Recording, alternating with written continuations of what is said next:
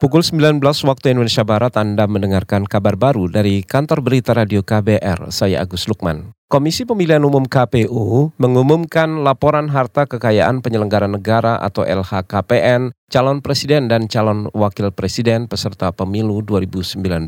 Ketua KPU Arief Budiman mengatakan LHKPN merupakan syarat pencalonan, tapi LHKPN juga mesti diketahui oleh masyarakat. Selain itu juga pelaporan LHKPN untuk membangun karakter positif bagi penyelenggara negara. Saya pikir eh, ini kan juga bagian yang bisa dipublikasikan kepada masyarakat Uh, dia bahkan sebelum terpilih pun sudah bersedia mengumumkan hmm. laporan harta kekayaannya misalnya begitu. Jadi saya pikir ini uh, apa uh, pendidikan yang positif ya untuk uh, uh, bagian dari transparansi kemudian uh, membangun karakter penyelenggara negara yang terbuka, jujur. Saya pikir itu pesannya. Ketua KPU Arief Budiman mengatakan telah menerima surat kuasa dari masing-masing pasangan calon untuk mengumumkan harta kekayaan mereka. Menurut KPU, kekayaan calon presiden nomor urut 01 Joko Widodo senilai 50,2 miliar rupiah, sedangkan Ma'ruf Amin sebesar 11,6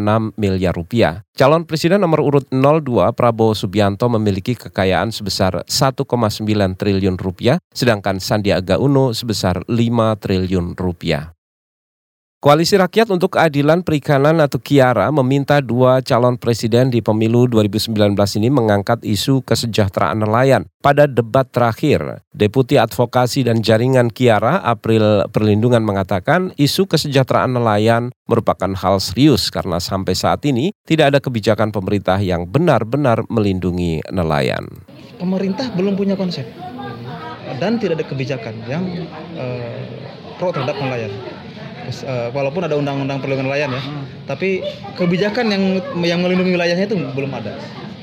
Jadi kebijakan yang ada itu hanya uh, untuk investasi, bagi-bagi kapling-kapling laut untuk investasi. Deputi Advokasi dan Jaringan dari LSM Kiara April Perlindungan mengatakan kondisi nelayan sampai saat ini masih sangat memprihatinkan. Mereka harus merasakan laut yang tercemar, kehilangan air bersih, serta keterbatasan akses laut. Salah satu masalah penyebabnya adalah kebijakan pemerintah soal reklamasi. Padahal reklamasi pantai menimbulkan pencemaran laut dan membatasi akses nelayan. Debat calon presiden terakhir akan digelar Sabtu besok di antaranya membahas mengenai kesejahteraan rakyat.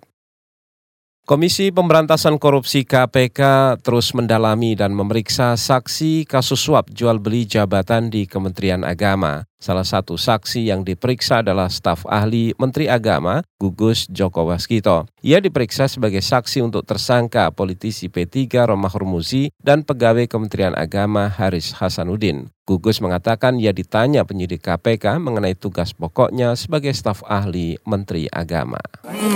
Hanya sekitar itu sama dengan teman-teman saya yang kemarin. Apa? Ya, hanya tugas pokok dan fungsi. Staf ahli Menteri Agama Gugus Joko Waskito mengklaim tidak mengetahui ada tidaknya pertemuan para tersangka kasus jual beli jabatan dengan Menteri Agama Lukman Hakim Saifuddin. Dalam perkara ini, KPK telah menetapkan tiga orang tersangka. Mereka adalah bekas Ketua Umum P3 Romah Hurmuzi, Kepala Kantor Wilayah Kementerian Agama Jawa Timur, Haris Hasanuddin, dan Kepala Kantor Kementerian Agama Kabupaten Gresik Muhammad Muafak Wirahadi. Romah Hurmuzi diduga menerima suap sebanyak 250 juta rupiah dari Haris dan 50 juta rupiah dari Muafak untuk meloloskan keduanya dalam proses seleksi terbuka pejabat. KPK menyatakan sebelumnya menemukan dokumen bahwa dua nama itu tidak lolos dalam proses seleksi.